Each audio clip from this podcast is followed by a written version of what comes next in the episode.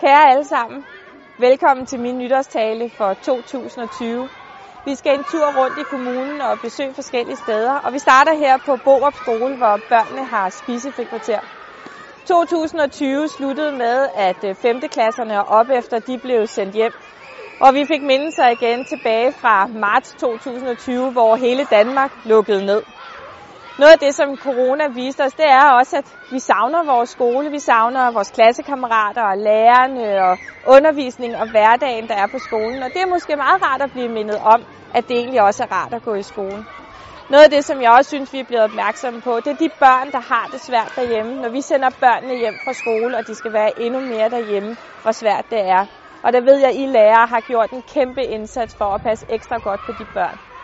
Og hvis du er et barn, der har det svært derhjemme, så skal du endelig huske, at du kan altid tage fat i din lærer. Og så vil jeg bare sige, at jeg synes, at I børn og unge har været super gode til at håndtere corona. Jeg vil gerne rose jer for jeres indsats for at huske at vaske hænder og holde afstand og hoste og i ærmet og så videre. Det har I bare været rigtig gode til. Og der er også nogle gode vaner, vi kan tage med ind i hverdagen, når hele det her coronacirkus er overstået. Jeg synes, vi har lært rigtig meget. For eksempel om, hvad ro og nærvær også kan give. At vi ikke hele tiden har udviklingsprojekter i gang, at vi altid tænker i nyt og nyt og nyt, men at roen og hverdagen og nærværet på skolerne og i daginstitutionerne for både børn og elever og lærere og pædagoger, at det faktisk giver rigtig meget til os alle sammen. Og nu skal vi fra barndommen og ungdommen og videre til alderdommen. Vi tager ud til Tingstedet i følge. Fra børnene til de ældre. Vi står nu herude foran Tingstedet i Herfølge. Og ja, vi står udenfor. For vores plejecentre har været nogle af de allermest udsatte år, der er gået. Personalet har gjort, hvad de kunne for at holde smitten fra dørene, og det har betydet, at nogle af vores ældre medborgere ikke har kunne få besøg af deres allernærmeste familie.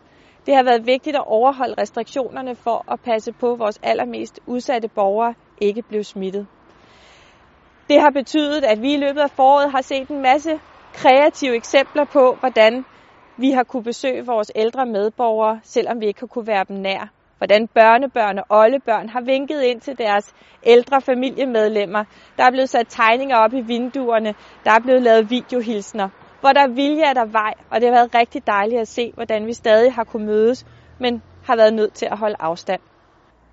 Bekæmpelse af ensomhed er noget af det, der står højst på byrådets dagsorden. Og allerede i starten af 2020, før corona gjorde sit indtog, der havde vi en konference i Køge Kommune om, hvordan vi i fællesskab kan bekæmpe ensomhed.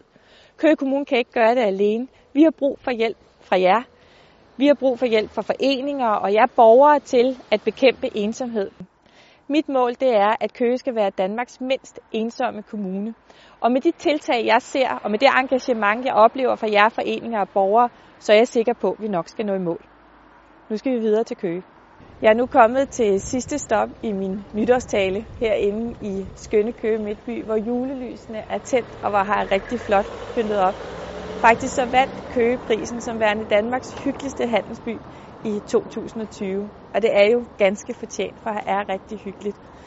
Der er ingen tvivl om, at jer, der har forretninger, restauranter, caféer, udskænkningssteder, det er nogle af jer, der har holdt allerhårdest for her under corona. Jeg har været rundt og tale med mange af jer, og jeg ved, det er en rigtig svær tid for jer. Men I skal også vide, at det I gør, det er en investering i, at Danmark kommer godt igennem den her krise her. Og det I gør, det bidrager. Der har været stillet tvivl ved restriktionerne. Er det nu de rigtige? Virker de? Men når jeg kigger på vores naboland Sverige, og hvordan vi kan se et sundhedsvæsen, der er i knæ, et stigende antal smitte og mange dødsfald, så er jeg ikke i tvivl om, at det vi gør er det rigtige. Og I skal tak for den store indsats, I alle sammen gør for at bidrage til at holde smitten nede. Det er en rigtig, rigtig svær tid for jer forretningsdrivende, og jeg vil gerne opfordre til fortsat, at vi husker at handle lokalt, at vi gør brug af vores lokale forretningsliv og restaurationsliv ved hjælp af takeaway for eksempel. Husk nu at handle lokalt. Der er i hvert fald ingen tvivl om, at mine shoppingture til januarudsalget, det skal foregå lokalt i kommunen. Jeg vil gerne sende en stor tak til alle jer medarbejdere, som under coronakrisen har gjort en fantastisk og ekstraordinær indsats af hjertet. En dybfølt tak for det. I har vist jer enormt omstillingsparate i en svær tid, da Danmark lukkede ned. I skulle lige pludselig skifte jeres hverdag fra for eksempel at have almindelig undervisning i folkeskolen til pludselig at undervise online. Pædagoger stillede op til at kunne tage sig af de ældre. Det var imponerende at se. Tak til alle jer medarbejdere, både jer, der arbejder med børn og ældre, men også alle de andre områder, hvor der virkelig er gjort en ekstraordinær indsats. Og så også en tak til jer borgere, som har vist enormt stor tålmodighed og tilbageholdenhed. I har virkelig holdt sammen om at holde afstand. I har virkelig bidraget til med jeres opførsel, at vi har kunne holde smitten nogenlunde nede i Danmark. Tak for det, og tak for jeres tålmodighed med alle de skiftende restriktioner og bestemmelser, som har været. Til slut vil jeg gerne sende jer alle sammen, alle jer borgere, jer medarbejdere og samarbejdspartnere, mine varmeste hilsner, og jeg håber virkelig, at vi kigger ind i et noget lysere 2021, end vi har oplevet 2020. Jeg vil ønske jer alle sammen et rigtig godt nytår.